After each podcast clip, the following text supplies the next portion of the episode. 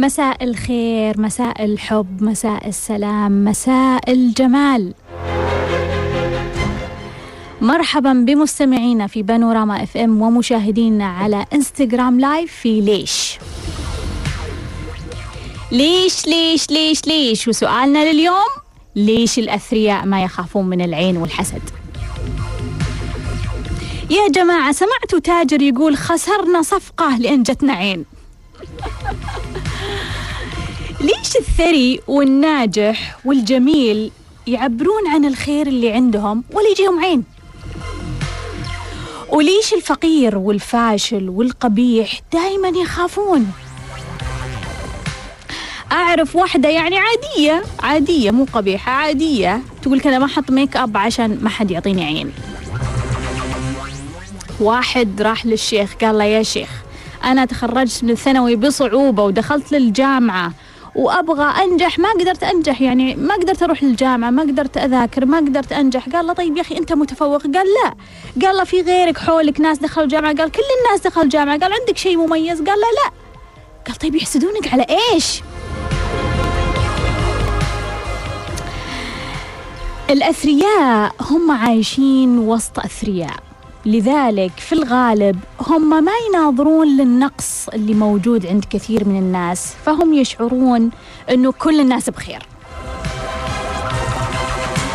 الأثرياء عندهم شعور متناسب مع طاقة الثراء بمعنى أنه الثراء مش أكثر مني فبالتالي ما راح يطير.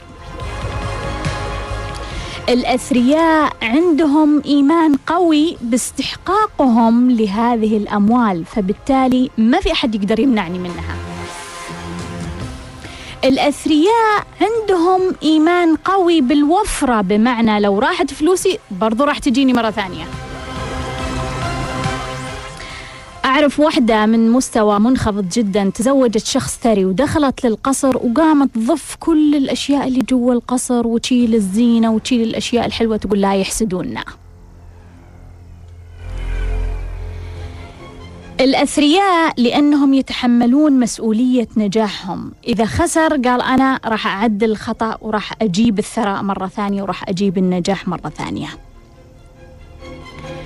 الفاشل دائما عنده شماعة اسمها شماعة العين والحسد. لما يفشل يرمي عليها الموضوع. الثري عمره ما يلوم أحد على فشله. عمره ما يقول دخلت مشروع وخسرت لأنه في أحد عطاني عين. عمره ما يقول هذا الكلام. الذبذبات العالية لا تصلها الذبذبات المنخفضة. الذبذبات العالية هي القوية هي الثراء هي النجاح هي الجمال هي الفرح. والحسد والعين كلها في الأسفل فبالتالي ما يتصلون ببعض أبدا. لذلك نبغى نقول لما تكون ذبذباتك منخفضة خليك منتبه.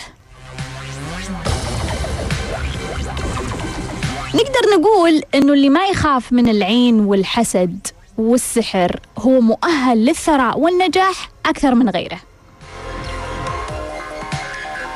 نقدر نقول أيضا إنه الأثرياء والناجحين والمتفوقين والمميزين هم في الغالب ما عندهم برنامج يخوفهم من العين والحسد والسحر. أرقام التواصل اللي يبغى يتواصل معنا صفر واحد واحد اثنين ستة ثمانية تسعة واحد اثنين اثنين. ومن خارج السعودية صفر صفر تسعة ستة ستة. وعلى إنستغرام وتويتر بانوراما أندرسكور إف إم. وعلى إنستغرامي وتويتر سمية ناصر أبغى أقرأ لكم بعض التعليقات. اللي صراحة لفتتني على إنستغرام وتويتر. خلوني أبدأ مع صديقتي سوسو تقول من قال لك ما يخافون من الحسد؟ بالعكس أكثر من يخاف من الحسد هم. عجيب. صديقتي شوق تقول أذكر واحدة من صديقاتي منتفة ما عندها ولا فلس ودايم تخاف من العين والحسد لدرجة تقعد في زاوية تقرأ حصن المسلم. ومع ذلك أكثر وحدة تصيبها العين وكل شيء تحطه على حسد أو عين. وسألتها مرة أنت تتحصنين؟ ليش ما عندك ثقة ويقين أنك محمية؟ قالت أحس أني أتحصن وأنا مو مرتاحة. صديقتي عبير تقول يخافون بعضهم لكن بدرجة أقل أو ما يبينون أو حب إظهار النعمة طغى على الخوف. لكن عندها ملاحظة تقول إنه في السناب ألاحظ إنه هي تتابع كم ثرية في السناب وتقول لك كل دقيقة يصورون شيء في بيتهم ولا سيارتهم يقول ما شاء الله ما شاء الله ما شاء الله ما شاء الله. يا جماعة أنا لو أعلق على شخص أقول له مثلا أعلق على واحدة أقول لها بلوزتك حلوة قاعد تقولي لي ما شاء الله عمري ما أقول لها شيء حلو. عسل تقول دائما وابدا العلاقة عكسية بين الاعتقاد بالعين والحسد وبين الإنجازات من خلال محيطي. لاحظت كلما قلت إنجازات الشخص زاد إيمانه بأنه معرض للعين والحسد وكلما زاد الشخص بنجاحه قل إيمانه بأنه معيون ومحسود. عندي أنس على الإنستغرام لايف يقول أكثر ما أشوف الناس من كثر ما أشوف الناس يقولون محسودين بقترح نطلع شيخ يقرأ على كل الدول العربية. نشوى على إنستغرام تقول أعرف شخصية قريبة ربي معطيها مال وأملاك وهالشخصية تؤدي واجباتها الدينية على أكمل وجه وتقرأ اورادها وسورة البقرة شغالة في القصر 24 ساعة ويا صار لها شيء ببيتهم مثلا طاحت الثريا وكسرت البلاط من قوة الطيحة. رجعت فسرت الموضوع قالت إنها عين العامل اللي دخل بيتهم قبل كم يوم قال واو بيت بابا طلال في لمبه كبيرة. روزماري تقول أتوقع لأنهم يجيبون هليكوبتر يرش على قصورهم من فوق موية وملح يمكن.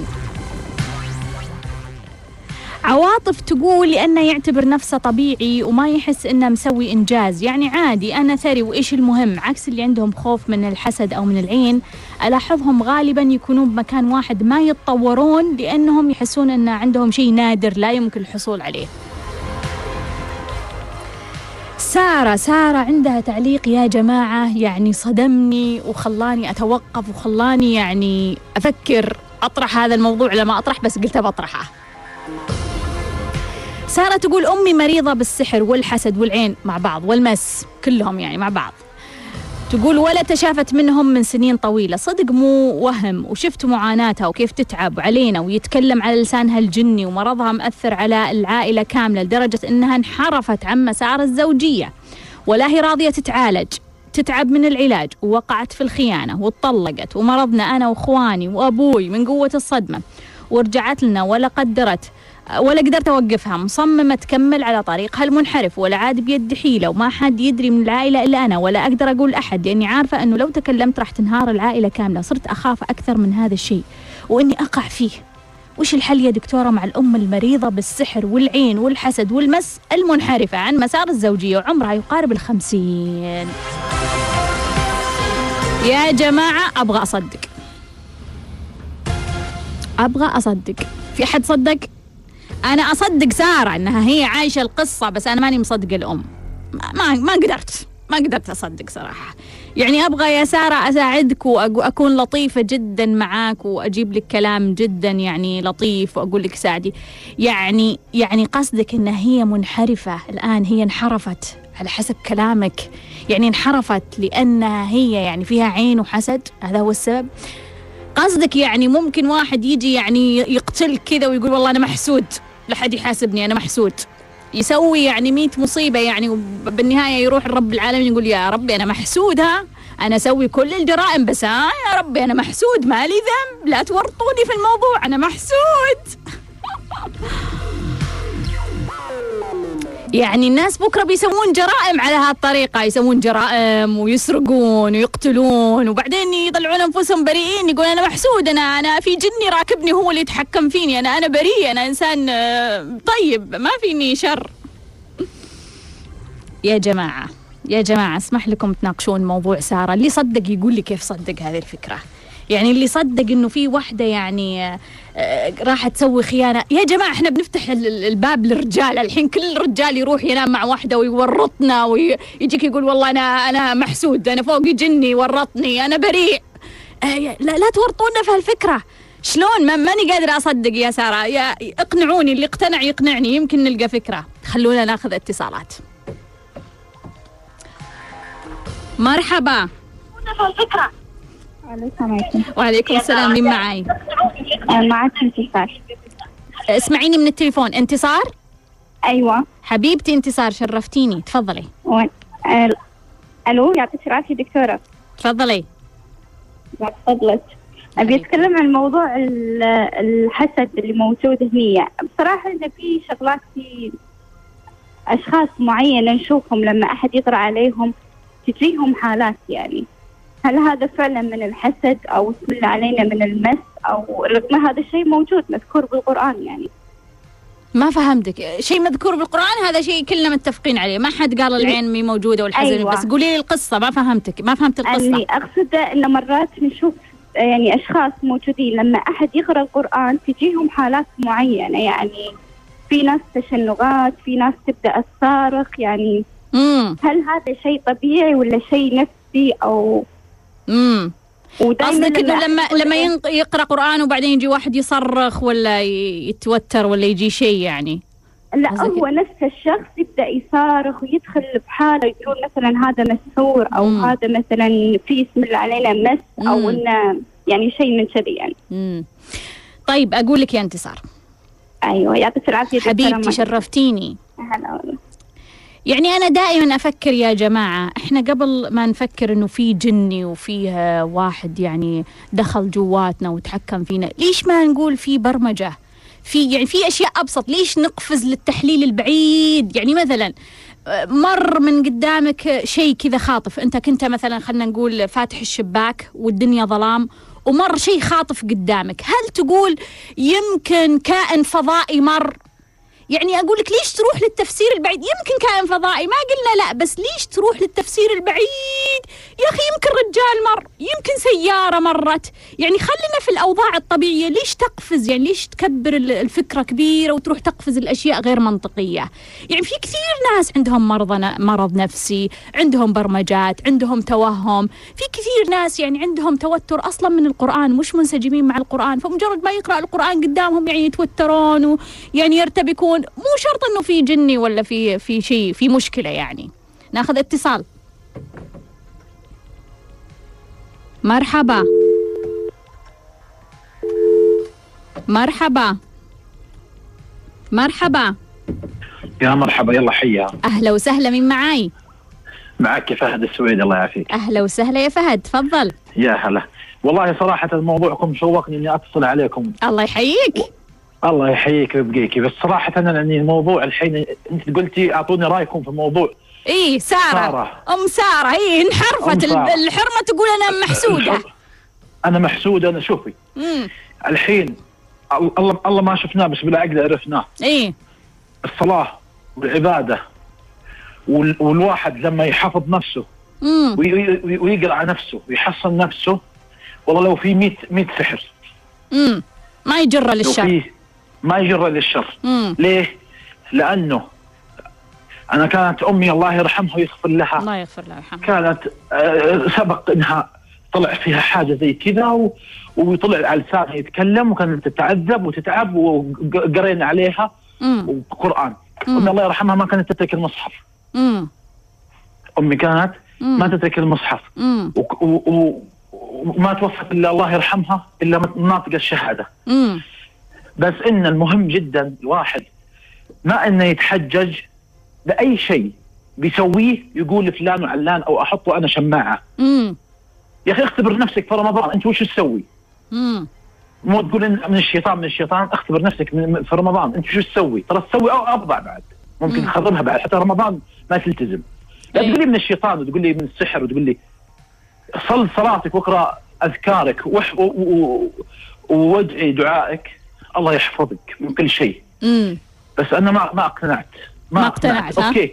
مم. ما اقتنعت. بس اذا إذا هي مثل ما مثل ما تقول okay ممكن. لأنه في أنواع. الله يكفينا الشر والسحور هذه كلها. إيه. في أسود وفي شيء ما إحنا عالم هذا غريب وعجيب. إيه. أوكي.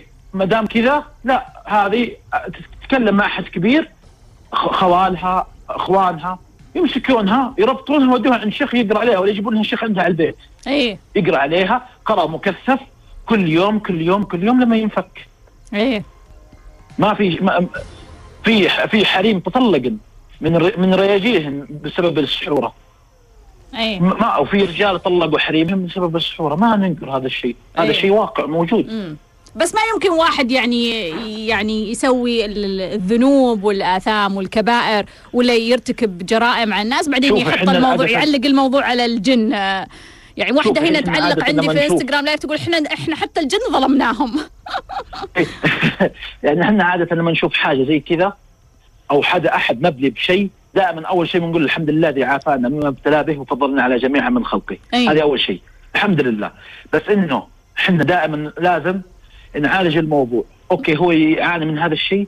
أنا من ناحية نفسية لازم يتعالج عند دكتور نفساني. أي. وترى مو عيب. ترى إذا صحيح. كلنا فينا نفسية. صحيح. كلنا فينا نفسية يا أخي. صحيح. أنا كان عندي نفسية كنت أعصب.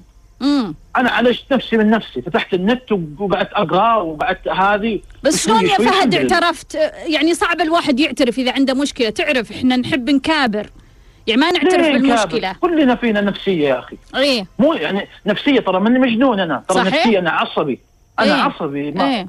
أنا عصبي على طول أعصب. ما أقدر أتحمل. امم أنا عصبي. كنت أدخل البيت ما أحصل الغداء أعصب. ليه الغداء ما هو محطوط يمه؟ وين الغداء؟ الله يرحمه ويغفر له. نعم. وين يا بنات؟ وين الغداء؟ كنت أعصب. مم. الحين خلاص عادي. وشلون حليت الموضوع؟ حليت الموضوع بصراحة أول شيء في في الذكر في الدعاء قاعد أدعي نفسي. اقرا حديث الرسول. وصانا طبعا حديث. الرسول وصانا اوصاني يا رسول الله قالوا لا تغضب لا تغضب لا تغضب. وبعدين قعدت أقرأ مقالات دكاتره نفسيه أسمع في اليوتيوب. امم بديت أعالج نفسي حبة حبة شوي شوي. ما أقول لك ما أنكر لك إن لسه فيني شوية عصبية. اي يحتاج بس لها وقت. مقارنة. اي بس صراحة مقارنة والله برافو عليك يا. فهد. الاعتراف بال إنه عندنا ضعفه وعندنا مشكلة هذا صعب. كثير من عندنا الناس ما يقدرون ما يعترفون. اي في واحد يعني أنا قابلت واحد قلت له أنا أنا رجال دخلت نفسية يوم توفت والدتي تعبت. اي قال لي طب ليش ما رحت عند الدكتور؟ ترى الدكتور عادي. قلت والله ما جت على بالي بس قعدت أقرأ قرآن بكثافة. اي أقرأ قرآن وأدعي وأدعي وأدعي.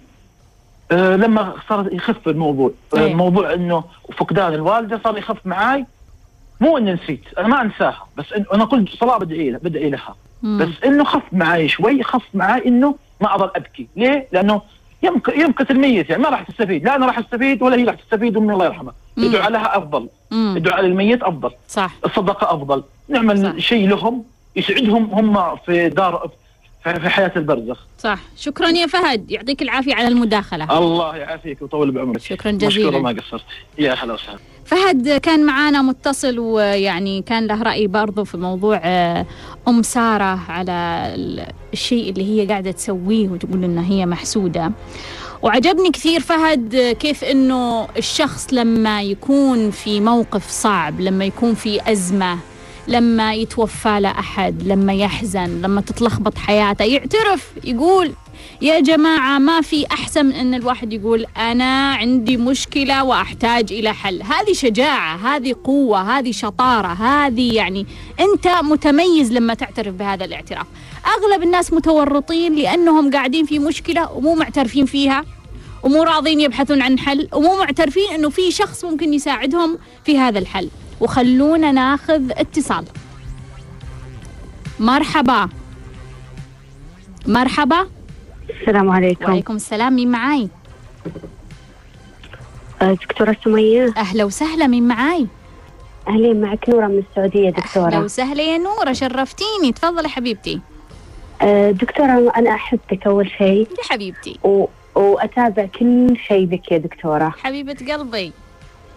آه، عندي دكتورة سؤال بس خارج عن الموضوع ممكن؟ إيه تفضلي. بس بسرعة ها؟ آه، طيب تمام. دكتورة الكارما. قانون الكارما هل هو الأذية المباشرة للشخص؟ مم. ترجع لي الكارما. أو إنه مثلا أذية غير مباشرة لو عرف الشخص الفعل اللي أنا فعلته ممكن يتأذى. مم. يعني مثلا زوج تعرف على واحدة ما قصده يأذي زوجته. مم. هل لها كارم للزوجة كارما عليه؟ أو مثلا أمي طلبت مني ما أعمل عمل معين وعملته. هل أمي تكون كارما علي؟ السؤال. طلبت تعملين عمل.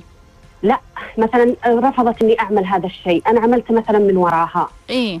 و- ويعني لو عرفت إني عملت هذا الشيء هي. ممكن تتضايق. إيه. أيوه. مم. آه، السؤال الثاني كيف أعرف رسالة ظهور الأشخاص في حياتي؟ مم. يعني طيب. ماني ماني فاهمة أشخاص يظهروا لي فجأة مثلا كيف أعرف رسالة ظهور هذه الأشخاص؟ بس دكتورة. حبيبتي الله يعطيك. شرفتيني. شكرا لك دكتور. طيب نورة تسأل تقول بالنسبة للكارما هل هي الأذية المباشرة أو غير المباشرة؟ بمعنى أنه لما أنا أذي شخص بشكل واضح فأعرف أنه هذه بترتد علي. بس لما أنا أسوي شيء والشخص الثاني يتضايق يعني ما كنت أقصد أني أضايقه. شوفي يا نورة الموضوع كله هو آه، قانون يسير بالدرجة الأولى بالشعور. يعني شعورك لما مثلا أنت ترسلين خوف فمعناها يرتد خوف. ترسلين غضب يرتد غضب. ترسلين فوضى مشاعرية ترتد فوضى مشاعرية. فبالتالي أنا أرسل خطأ على شخص آخر يرتد عليه هذا. قد يكون على شكل عقوبة قد يكون على شكل تأخير قد يكون على شكل تسريع شيء أنا غير مستعدة له. فبالتالي في النهاية مرتبط بشعورنا تجاه هذا الشيء. بشعورنا تجاه قبول هذا الشيء أو عدم قبول هذا الشيء. خلينا نقول يعني على حسب كلامك الآن فيه زوج خان زوجته والزوجة تحس إنه هي تزعل مثلا. هذه أذية غير مباشرة بالنسبة لها. بس هو ما كان يقصد إنه يأذيها. هل راح ترتد الكارما هذه عليه أو لا؟ أول شيء هو مسوي الموضوع بالخفاء ولا مسويه بالظاهر؟ بالخفاء معناه هو يحس إنه غلط. فبالتالي هو يحس إنه غلط فبالتالي في مشاعر شعور تأنيب فبالتالي راح يرتد عليه هذا التأنيب وراح يتأذى راح ترتد عليه هذه الكارما. شكرا يا نور على هذا السؤال. برضو تسأل تقول إنه كيف أعرف رسالة الأشخاص اللي ظهروا في حياتي؟ تختلف رسائل الأشخاص أحيانا حسب الأحداث يعني هم ظهروا وين كيف إيش سبب ظهورهم ليش ظهروا هذا شيء. الشيء الثاني دائما فكري ما هي نقطة الضعف عند هذا الشخص أو النقطة اللي تستفزك من هذا الشخص؟ وما هي نقطة القوة عند هذا الشخص؟ أحيانا أشخاص يجون عشان هم يعلمونا يعطونا درس في الحياة لأنهم أقوياء في هذا الأمر فأنا أحتاج أشوفهم. أشوف كيف يسوون هذا الشيء أتعلم منهم أتعرف على النجاح من خلالهم أتعرف على التفوق من خلالهم أتعرف على مثلا مهارة يمكن يمكن مهارة الحديث يمكن مهارة التواصل مع الآخرين يمكن مهارة الطبخ ما نعرف في مهارة عندهم قوية في شيء عندهم قوي أنا أحتاج أتعلم منه أو في شيء عندهم جدا ضعيف ضعيف ضعيف فأنا أحتاج أني أنتبه له لأن دائما يستفزنا الضعف على فكرة دائما يستفزنا الضعف يستفزنا الشخص اللي مسوي شيء مو مضبوط يستفزنا الشخص اللي شكله مو أوكي يستفزنا الشخص. أي شيء فيه ضعف على طول يستفزنا. هو محاولة لإيجاد للتخلص من الانعكاس اللي بداخلنا حول هذا الضعف. فنقوم نهاجم هذا الضعف. فلما تنتبهين إنه في شخص يستفزك عنده ضعف معين أوكي. خلني أشوف هذا الضعف. كيف أتعلم من هذا الضعف؟ كيف أستفيد من هذا الضعف؟ وخلونا ناخذ اتصال. مرحبا. مرحبا. ألو السلام عليكم. وعليكم السلام مين معاي؟ أهلا دكتورة معك منى. أهلا وسهلا يا منى حبيبتي شرفتيني. هلا هلا حبيبتي والله الشرف لي يا عمري. سمي. دكتورة بس ب... أنا عندي مواضيع غير عن المواضيع اللي ذكرتيها. يلا بسرعة. ف... أوكي أبشري. فدكتورة بس أنا عندي يعني اعترف لك بشيء أنا دكتورة فيني آه، حقد. حقد إنه إذا أحد مثلا حطمني إذا طرحت مثلا موضوع آه، كنت أنت متحمسة عشانه أو بسوي آه، ما أنسى يا دكتورة آه، إنه إني ما أنسى أروح ساعات أعاند وأودي نفسي الأشياء عرفتي؟ إنه لا أنا بسوي هالشيء عناد مم. اي عشان يشوفون إنه أنا قد هالشيء عرفتي؟ فبسبة هالشيء أحس قد أستنزف طاقتي و... وأروح أسوي كل شيء. كذا الشيء في وقت واحد بس عشان يشوفون اي أنا قدها مو أنا قدها عرفتي؟ اي آه الشيء الثاني أنا دكتورة أحس إيش ما رحت إيش ما سويت مو قاعدة أنبسط مم. مو قاعدة يعني أحس أحس في شيء مم. رغم اني دكتورة أنا واحدة أثقف نفسي أقرأ كتب آه، من النوع اللي حسيت إنه أنا في فراغ لازم أسد الفراغ واسده بشيء مفيد يعني أقرأ أثقف نفسي أشوف أشياء تفيدني لبعدين مم. بس ما أحس يا دكتور يعني وتستمتعين مجرد- بالحياة ولا بس تستفيدين تستفيدين يعني لازم متعة وفائدة آه بصراحة دكتورة أت- آه يعني أقول لك شيء أنا أجلد نفسي يعني من نوع إذا غلطت بغلطة مم. مثلا أقول ليتني سويت إنه ليش ما سويتي فهمتي؟ مم. و فهذا الشيء غير كذا دكتورة فعلا فيني أنا يا دكتورة خوف من الفشل. يعني أنا واحدة رغم إنه الحياة خلاص إنه أغلاط وتتعلمين. أنا لا يا دكتورة ما ما أبغى أفشل يعني مم. كل همي إنه لا تفشلين. عشان إيش؟ عشان أهلك عشان أمك عشان أبوك. فهالشيء يا دكتورة أحس استنزف كل طاقتي. إنه ليش ما أفشل. رغم إنه عادي. وفي أشياء بحياتي تصير حلوة بسبب إنه أنا قاعدة أتعب عليها. لكن دكتورة أحس ساعات في رسائل بس أنا مو قاعدة أفهمها. مم. فهذا دكتورة وما حابه اطول عليك والله حبيبتي يسعدكم مره شكراً مرة جزيلاً. شرفتيني فعلا. شرفتيني حبيبتي. هلا بك أهلا. منى تقول إنه أحيانا يكون عندها حقد على أحد حطمها أو قال لها تعليق وتقول ما أنسى وأقوم واعاند وأودي نفسي يعني الأشياء تضرني آه، وتستنزف طاقتي. الجميل في منى يعني منى صراحة آه، بدعت بدعت. تعرفون ليش؟ لأنها أول شيء معترفة بالمشاعر السلبية اللي عندها ثاني شيء يعني حابة تغير. كان معانا منى. كانت تقول إنه أنا أشعر بالحقد لما أحد يحطمني ولما يعني يعلقون علي تعليق وأغضب وأستنزف طاقتي. أنا أقول يا منى إنه أنت قد تكونين في مرحلة الغضب على سلم هاوكنز. تقدرين تسمعين أكثر تفاصيل عن مرحلة الغضب في اليوتيوب. اكتبي بس سلم هاوكنز سمية الناصر راح يطلع لك. تشوفين كيف الغاضب ممكن يدمر نفسه ويدمر الآخرين. وأنت الشيء الجيد زي ما قلت لك يا منى إنه أنت معترفة بهذا الخطأ وعارفة إنه الطريق ما يوصل. الطريق هذا ما يوصل إنه أنت تستنزفين طاقتك بهذا الغضب ما يوصل. منى تشعر إنها هي مش مبسوطة في الحياة لأنها دائما قاعدة تثقف نفسها تستفيد تجلد نفسها مركزة على النجاح خايفة إنها تفشل. النتيجة إنه هي مو قاعدة تنبسط لأنه هي ربطت شعورها بالسعادة ربطت شعورها بالسعادة بتحقيق الهدف. وهذا شيء خطير يا جماعة. خطر خطر خطر جدا إنه إحنا نعطي نفسنا نجمة لما نحقق هدف. إنه إحنا نسمح لأنفسنا بشعور السعادة لما نحقق هدف. يعني أنا قدامي كل الريموت كنترول وأضغط السعادة لما أحقق الهدف. لما ما أحقق الهدف لا. ما اضغط السعادة أمنع نفسي إني أكون مبسوط ومستمتع. لما إحنا نفكر فيها من زاوية ثانية على فكرة لما تسأل نفسك ليش أصلا إحنا نحقق الأهداف؟ ليش ليش ليش أصلا إحنا مهتمين نحقق الأهداف؟ في النهاية في النهاية عشان مشاعرنا. في النهاية عشان نبغى نحصل على شعور معين. طب إحنا أصلا نقدر نحصل على هذا الشعور بدون هذا الهدف؟ وهذا اللي خلى عندنا فوضى كثيرة في موضوع الأهداف إن إحنا ناخذ أهداف مش أهدافنا نسوي أهداف مش أهدافنا نتورط في أهداف مش أهدافنا بعدين نعلق فيها بعدين نضارب إحنا وياها بعدين نشعر مشاعر سيئة بعدين ما ندري شلون نطلع من الموضوع بعدين شلون نفتح باب جديد. وهكذا ورطة ورا ورطة ورا ورطة. الآن يا منى أبغى أقول لك أنت اكتبي عشرة أشياء تحبينها. اكتبيها في ورقة وعلقيها قدامك عشان تلتزمين أنك تطبقينها. ليش؟ لأن يا منى أبغى أقول لك لو حققتي الهدف ونجحتي ما راح تشعرين بالسعادة. بكل بساطة ما راح تشعرين بالسعادة لأن السعادة هي مش نتيجة تحقيق هدف. السعادة هي نتيجة أنه أنا أقرر أني أكون سعيدة. أنا أضغط على زر السعادة وأقرر أني أكون سعيدة. فلا تتورطين في الفكرة يا منى. قرر أنك تكوني سعيدة. الهدف تحقق أو ما تحقق أنا سعيدة. اكتبي عشرة أشياء قدامك طوال اليوم أنت تشوفينها وتحققينها كل يوم عشان أنت تبرمجين نفسك على موضوع السعادة. أنا سعيدة بدون هدف أو مع هدف. أنا أستحق حياة جميلة وسعيدة بهدف أو بدون هدف. أنا عندي كل النجوم الكافية سواء حققت الهدف أو ما حققت الهدف. أنا سعيدة ومبسوطة سواء نجحت أو فشلت. أقترح أيضا يا منى أنك تقرأين أكثر في مستوى الشجاعة على سلم هاوكنز وبرضه راح تلقينا عندي في اليوتيوب. لأنه من المهم إنك الآن تنتقلين من مرحلة الغضب. أنت الآن قاعدة تنتقلين من الغضب للكبرياء. والدليل إنه لما تناقشين نفسك أنت خايفة من الفشل. تناقشين نفسك لا أنا ما أبغى أفشل. بعدين أهلي يقولون كذا بعدين يصير كذا. وهذه هي روح الكبرياء إنه أنا أبغى أنجح عشان الناس.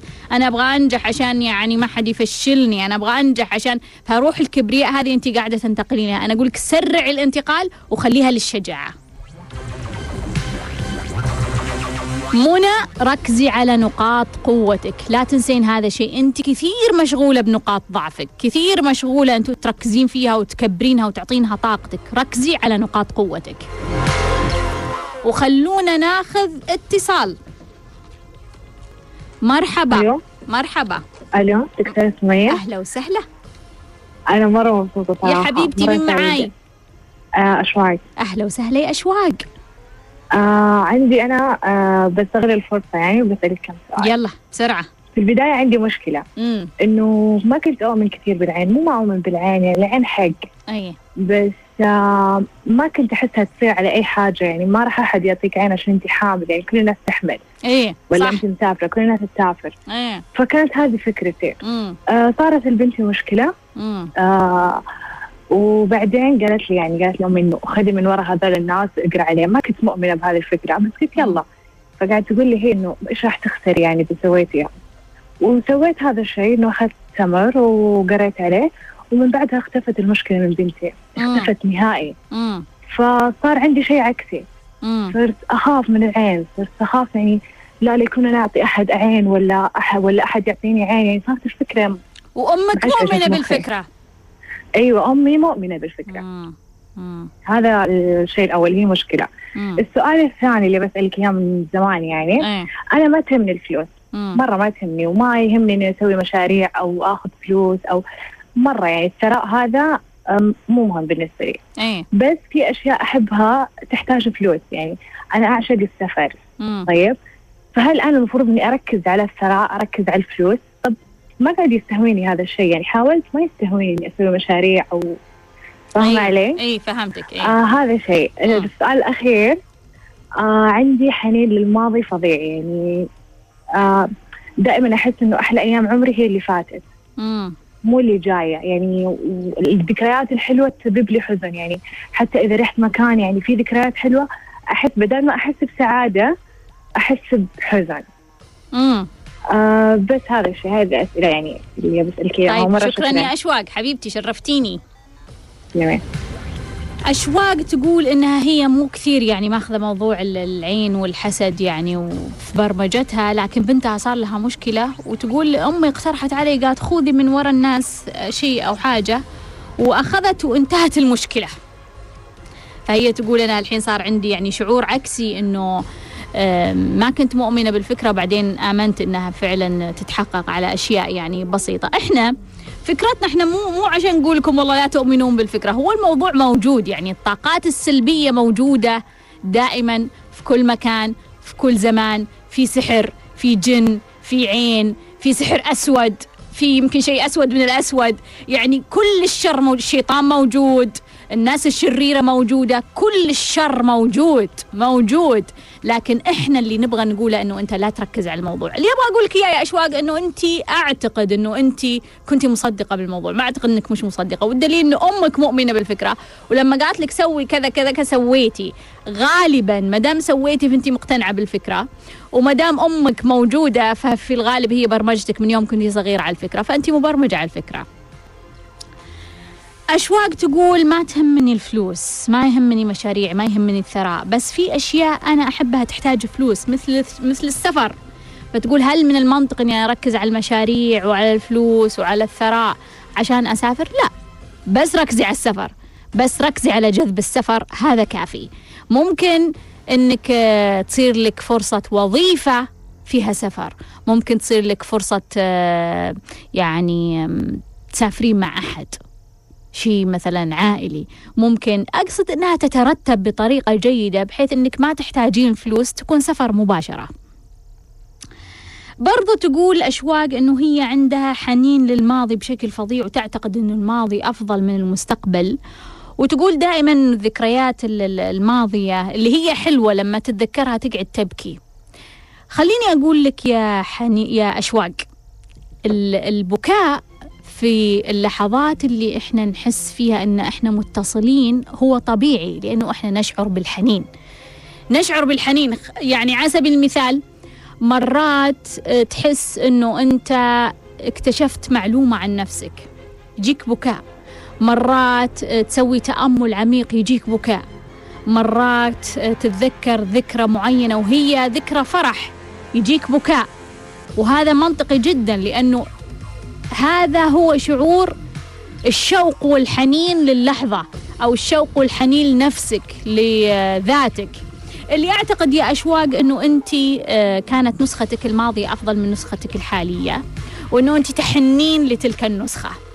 أقترح عليك يا أشواق أنه أنت مريتي بظروف يمكن حاليا يمكن خلال السنوات الماضية القريبة مريتي بظروف ما كانت جيدة دخلتي في حياة مش مقتنعة فيها تماما. أقترح أنه أنت تصححين كل الشيء اللي مر عليك. برضو أتوقع يا أشواق أنه أنت كان عندك مصادر طاقية مسويت لك حماية عالية ومسويت لك حياة كلها يعني بينك وجميلة وأشياء يعني خنفشارية وأنت فقدتي كل هذه الأشياء والآن أنت لازم تشيلين الموضوع. أعتقد أن عندك رسائل أنك تتحملين مسؤولية حياتك وتشيلين حياتك بنسخة جديدة قوية أفضل. وخلونا ناخذ اتصال. مرحبا. السلام عليكم. وعليكم السلام. أهلا وسهلا. من معاي؟ معك يا أمل. أهلا وسهلا يا أمل. سمي أمل. ما المفروض أنا حبيبتي جرفتيني أنا مشكلتي إني متزوجة لي ست سنين. أها. وعندي طفلين. امم وبعد زواجي بثلاثة شهور اكتشفت إنه هو عنده حبيبة. امم وبعدين لما جيت كلمته قال خلاص أنا نسيته وبفتح صفحة جديدة أصلا. أنا يعني ما تزوجت إلا وأنا يعني خلاص بفتح صفحة جديدة عشان نفسي. امم وبعدين هذا حبه طلع يعني هو 15 سنة. امم يعني هو كان يحبها له 15 سنة. امم ودحين يمكن قبل ثلاثة شهور اكتشفت إنه هو متزوج. متزوجها؟ لا من نفس جنسيتها. امم وبعدين وبعدين تزوجها بعد ما جبت ولدي. آه بعد ما جبت ولدي على طول يعني بعد سنة ونص من زواجي نتزوجها. امم ف فدحين آه عشان أهله أهله هو السبب من أهله. أهله زوجوا نفس آه أخوه وأخته امم زوجوا نفس هذه نفس الجنسية. فهمتني كيف يعني؟ ونفس أي الجنسية أي فهمتك. أي. أهله يحبون الجنسية هذه وقاموا يزوجون منهم. لا هو أهله رفضوا جنسية حقت البنت اللي حبيبته. آه أوكي. فدحين أخوه وأخته تزوجوا نفس الجنسية حق حبيبته. أي. فهو فهو بعد ما تزوجوا هو راح يتزوج على طول وهو متزوجني أنا ما. كنت عارف. وليش ما تزوج الحبيبة؟ ليش راح لواحده ثانية؟ لأنها هي في دولة ثانية. آه ما قدر يجيبها؟ آه هو لما قال لي قال لي خلاص هي ما تبغى. هي ما تبغى إيه. بس أنا ما عادي يعني هو يكذب علي ولا يقول صدق آمني آمني طيب. أمل وش سؤالك الآن؟ سؤالي إنه هو دحين كمان يفكر يتزوج مرة ثانية من جنسية ثانية عشان مصلحة. إيه. طيب وين أول- السؤال؟ أول تزوج الأولى عشان أحس انتقام بينه وبين نفسه وعشان أهله. إيه. يعني هو زعلان وفي قلبه في قلبه حقد وزي كذا فتزوج هذه. طيب. بالرغم إنه هو ما كان يبعد عني يعني هو دائما موجود بس ما أحس إني أنا متزوجة. يعني ما يعطيني مشاعر واحاسيس إني أنا متزوجة. امم يعني عادي إنه بس إنه والله خلاص يعني كأنه أهله قالوا يتزوجوا اتزوجي وخلاص عنده عيال وعنده بيت. طيب. بس هو مو مرتاح معايا. أمل وين السؤال؟ السؤال ماني عارفة يعني أفكر إني أطلق ولا ما أطلق. راح أقول لك يا أمل. حبيبتي شرفتيني. شكرا جزيلا. وكانت معانا أمل تسأل تقول إن هي تزوجت زواج من ست سنوات وعندها طفلين وبعد ثلاث شهور اكتشفت اكتشفت إنه زوجها عنده حبيبة من 15 سنة. وقال لها خلاص بطلنا وكذا. المهم اكتشفت برضو من ثلاث شهور إنه هو متزوج من آه، نفس الجنسية وتعتقد آه، هو يعني كان انتقام لأن أهله كانوا رافضين هذه الجنسية. وما قدر يتزوج الحبيبة لأنها آه، هي تقول أنها في دولة ثانية وهو يقول أنها هي ما تبغى. الآن يفكر يتزوج برضو مرة ثانية أو ثالثة بالأصح لأن هي تقول أن عنده مصلحة يعني زواج مصلحة.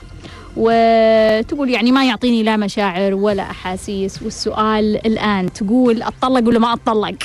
الحقيقة يا أمل وبكل بساطة ما أعرف. بمعنى أنه ما يجوز لي أني أنا يعني أقول لك تطلقي أو لا تطلقين. أه، ما نقدر إحنا في ظرف دقيقة نفهم الحالة كاملة ونستوعب الفكرة. الشيء المهم اللي لازم تعرفينه يا آمل إنه الطلاق لابد يطلع من أعماق أعماق أعماقك. يعني مو أي أحد يقدر يتخذ هذا القرار بالنيابة عنك. بس أبغى أقول لك بعض الأشياء اللي ممكن تساعدك. هل عندك فلوس؟ ولا أنت معتمدة على هذا الرجال؟ إذا ما عندك فلوس اقعدي وهدي بالك وضفي نفسك وعيالك وقولي خلاص هذا الواقع ودبري نفسك تشوفي لك وظيفة محترمة دوري لك فلوس بعدين فكري في هذا الموضوع. هذا كبير. كبير عليك يعني أنت ما عندك قرشين تاكلين فيهم الموضوع كبير عليك. بتقولين لي والله أهلي موجودين والله ما أدري إيش السؤال. هل أنت بترجعين لأهلك عندك كامل حقوقك؟ عيالك يقدرون يعيشون بشكل جيد؟ لا خلاص ضفي الموضوع وفكري بطريقة يعني متزنة. كثير من الناس يعتقدون إنه الزواج دائما هو حب ومشاعر وأحاسيس وكل المشاعر الجميلة والجيدة وإذا هي مو موجودة خلاص أنا أنا بفتح الباب وأطلع وأهج وأتخلص من هذا الزواج. لا مو بهالطريقة. شفتي أنت كيف هو يتزوج لأجل مصلحة؟ خلاص قولي الرجال موجود عشان يصرف علي مصلحة مصلحة. فكري بهالطريقة يعني لا تاخذين الموضوع بتوتر. عيشي حياتك انبسطي استمتعي. الرجل هو مو شيء أساسي في الحياة مو شيء رئيسي في حياتك مو شيء مهم. امرأة أخرى الرجل مهم بالنسبة لها يعطيها مشاعر يعطيها أحاسيس يعني مهم بالنسبة لها. يمكن يعطيها فلوس يمكن جزء آه، رئيسي في أفكارها في حياتها في تطورها في طاقتها. في امرأة أخرى الرجال مش مهم لا يعطيني لا مشاعر ولا أحاسيس. لو قعدت معاه نكد علي ويعني يعني قرف حياتنا فخلاص مو ليش ليش تعطينا هذه الأهمية؟ ليش تحسسينا بهذه الأهمية؟ نقطة ثانية برضو يا أمل أبغى أقول لك إياها. هل أنت قوية يعني بالقدر الكافي أنك تتخذين هذا القرار؟ هذا القرار يعني يحتاج لامرأة شجاعة قوية يعني عندها القدرة أنها تدير الموضوع تتخذ هذا القرار. اللي ألمح منك ألمح ضعف بصراحة. يعني لما أنا أشوف تبريراتك أنه هو تزوج هذه عشان ينتقم وهو تزوج ما أدري إيش عشان مصلحة. يعني أنت ما قدرتي تتطلقين في المرة الأولى الآن تبغين تتطلقين؟ ما قدرت أستوعبها. ما طلقتي في المرة الأولى لما اكتشفتي عنده حبيبة من 15 سنة؟ عديتيها. تزوج انتقام. يعني قاعدين نلعب إحنا. في زواج انتقام يا جماعة؟ تزوج انتقام عديتيها. الآن يوم تزوج مصلحة. وقفتي على الموضوع؟ هذه أكثر وحدة منطقية فيهم. يعني تخيل إن عنده مصلحة بزنس أو شيء. يعني هذه أكثر وحدة منطقية تقبلينها الآن وقفتي تقولين يعني بتطلق. يعني أنا ألمح ضعف يا أمل وأحس إنك تحتاج تفكرين في الموضوع أكثر من مرة ويمكن تحتاجين تستشيرين شخص مختص. ناخذ اتصال. مرحبا. مرحبا من معاي؟ آه، معك ندى. أهلا وسهلا يا ندى حبيبتي. تفضلي. آه عندي سؤال كيف اختار التخصص الصح؟ التخصص الصح. طيب. أيوه. مم. يعني لازم أجرب التخصص وأتعمق فيه عشان أعرف إنه يناسبني. امم لأني أنا درست تخصص وكان عاجبني في البداية. مم. يوم تعمقت فيه يعني اكتشفت إنه ما مو التخصص اللي أبغاه. وبعدين جربت وكملت فيه. امم كملت فيه بمشاعر سلبية. مم. وبعدين دخلت تخصص ثاني. مم. نفس الشيء الحين تقريبا مجرب أربع تخصصات. أربع تخصصات ولا واحد صالح معك. ولا واحدة يعني ما حسيت إنها ناسبتني طيب على أي أساس اخترتيهم يا ندى؟ في البداية حسيت إنه مناسبني كان أفضل شيء بالنسبة لي يعني امم ويوم تعمقت فيه وجربته ما عجبني ندى أنت تحبين الدراسة؟ كيف؟ تحبين الدراسة؟ مرة جدا أحب الدراسة إيه شلون عرفتي إنك تحبين الدراسة؟ مجتهدة فيه يعني امم ودحين بجرب تخصص ثاني تخصص خامس قصدك؟ أيوة. إيه. بس وأهلي يقولوا لي خلاص الدراسة ما منها فايدة. امم ولا تجربي ولا تدرسي ولا شيء. وأنت مقتنعة بكلامهم؟ لا لا أبدا. امم امم شكرا دكتورة. حبيبتي شرفتيني. شكرا يا ندى. عفوا مع ندى راحت أربع تخصصات وكلها ما ضبطت معاها وتبغى تروح للتخصص الثالث وتقول إنه كيف نكتشف التخصص الصح. يا ندى يعني التخصص الخامس يعني كثير انت مجربة يعني يعني أنا لما قلتي لي على أربع تخصصات ورايحة التخصص الخامس أقول يمكن انت أصلا ما تحبين الدراسة يعني يمكن كل هذا الطريق مو طريقك. كل التفاصيل داخل هذا الطريق مو طريقك. بس تقولين لا لا أنا مجتهدة وأبغى أكمل دراسة أبغى أخذ دراسة. ما نعرف يا ندى يمكن انت ما تبغين دراسة بس مو مش قادرة إنك تعترفين؟ لأنه يا جماعة المجتمع اعطى الدراسه خمس نجوم. يعني أي واحد ما يدرس على طول يعتبرونه فاشل كسلان ما عنده سالفة ما يعرف أو مسكين ما قدر يدرس ما قدر يكمل دراسته. فإحنا قدر الإمكان يعني نحاول ندرس يعني باللي هي فيه. يعني أسوأ تخصص أي تخصص يا جماعة حطوني أي جامعة يا جماعة في قرية في مدينة في السماء في الأرض أهم شيء خلونا ندرس. فبالتالي صار عندنا هوس موضوع الدراسة تصلح ما تصلح. ما نفكر في الموضوع هذا لا بندرس بندرس. الجامعة أتكلم على مستوى الجامعة. بندرس بندرس. بينما في أشخاص أصلا لا تناسبهم لا تناسبهم الجامعة. أعرف إنه في بعض ال- الدول عندهم طرق مبكرة للأشخاص لاكتشاف التخصصات المناسبة لهم. يعني من فترة الثانوية وهم يعطون ال- الأطفال آه، أو المراهقين يعطونهم مواد متعددة تأهلهم أنهم يكتشفون ويعرفون. أنهم يجربون مرة واثنين وثلاثة وبناء على الدرجات اللي ياخذونها يحددون مسارهم. والله شخص صار شاطر في الرياضيات والله هذا شاطر في النجارة والله هذا شاطر في الرسم والله هذا شاطر في الفلسفة. خلاص من الثانوية وهو عارف وين يتوجه وين يروح. ولأنه إحنا ما عندنا هذا المجال إحنا نقدر نصنع هذا الشيء. كأمهات كآباء أنت الآن في عمر يا ندى تقدرين تجربين. تقدرين تجربين واحد واثنين وثلاثة وأربعة وعشرة لما تعرفين وين تخصصك المناسب. تقدرين تسألين الآخرين. أحيانا الآخرين يكونون ينتبهون لزوايا عننا إحنا ما انتبهنا لها أو ما شفناها. فنسألهم برضو نزيد ثقافتنا تجاه أنفسنا نكتشف أنفسنا أكثر. ندى أحب أقول لك جربي سنة واحدة بدون دراسة وضعي في هذه السنة كل المواهب اللي أنت تبغينها وشوفي فقط على سبيل التجربة. خلونا نسأل مخرجنا معانا وقت ناخذ سؤال. معانا. مرحبا. مرحبا. مرحبا. ألو. أهلا وسهلا. مين معاي؟ آه، السلام عليكم. وعليكم السلام. أي سمعيني من السماعة. مين معاي؟ دقيقة. آه، معك نورة من أهلا السعودية وسهلا يا نورة. حبيبتي شرفتيني. تفضلي. آه، دكتورة أنا عمري 18 سنة. أحس يعني في هذه المرحلة بتخبط بشكل كبير في مشاعري في تفكيري مم. يعني ما أدري يمكن لأني ج- جالسة يعني أفكر بشخصيتي بشكل كبير جالسة أفكر أتعمق بالأفكار بشكل كبير مم. لكن يعني مهما سويت ما أحس أبدا في السعادة يعني أنا لو أشوف وضعي بشكل عام مع برا يعني لو أشوف كي- من وجهة نظر شخص آخر بقول والله يعني المفروض إني أحس بالسعادة مم. المفروض إني المفروض إني أكون إنسانة سعيدة مم. لكن أحس إذا فكرت كذا إذا جلست وفكرت إنه ك- يعني فكرت آه، في وضعي الحالي أقول لا ما أبغى أفكر في الحاضر. أحس بيروح مني هذه. إذا فكرت في النعم بنفس وقتها بتروح مني. إذا فكرت في النعم بتروح مني. أيوه إذا فكرت في النعم اللي عندي بتروح مني. مثلا إذا فكرت الحمد لله أهلي موجودين كذا أحس يعني ممكن أفقد أحد منهم. ممكن ممكن أي شيء يعني يصير لي. ليش يعني؟ بتحسدينها يعني؟ بتحسدين نفسك؟ ما أدري يعني. يعني مع اني مع إني مو مره يعني مقتنعة بفكرة إني نفسي لكن ما أدري شو ما أدري ممكن هذه الفكرة امم بس بدون ما أحس فيها. أوكي. أقول لك يا نورة. أيوه بس أنا عندي سؤال ثاني لو سمحتي آه ما عندنا وقت نورة حبيبتي. سامحيني. خلاص. شكرا جزيلا. شكرا جزيلا. طيب خلونا نجاوب على نور الأسبوع القادم. ما معنا وقت؟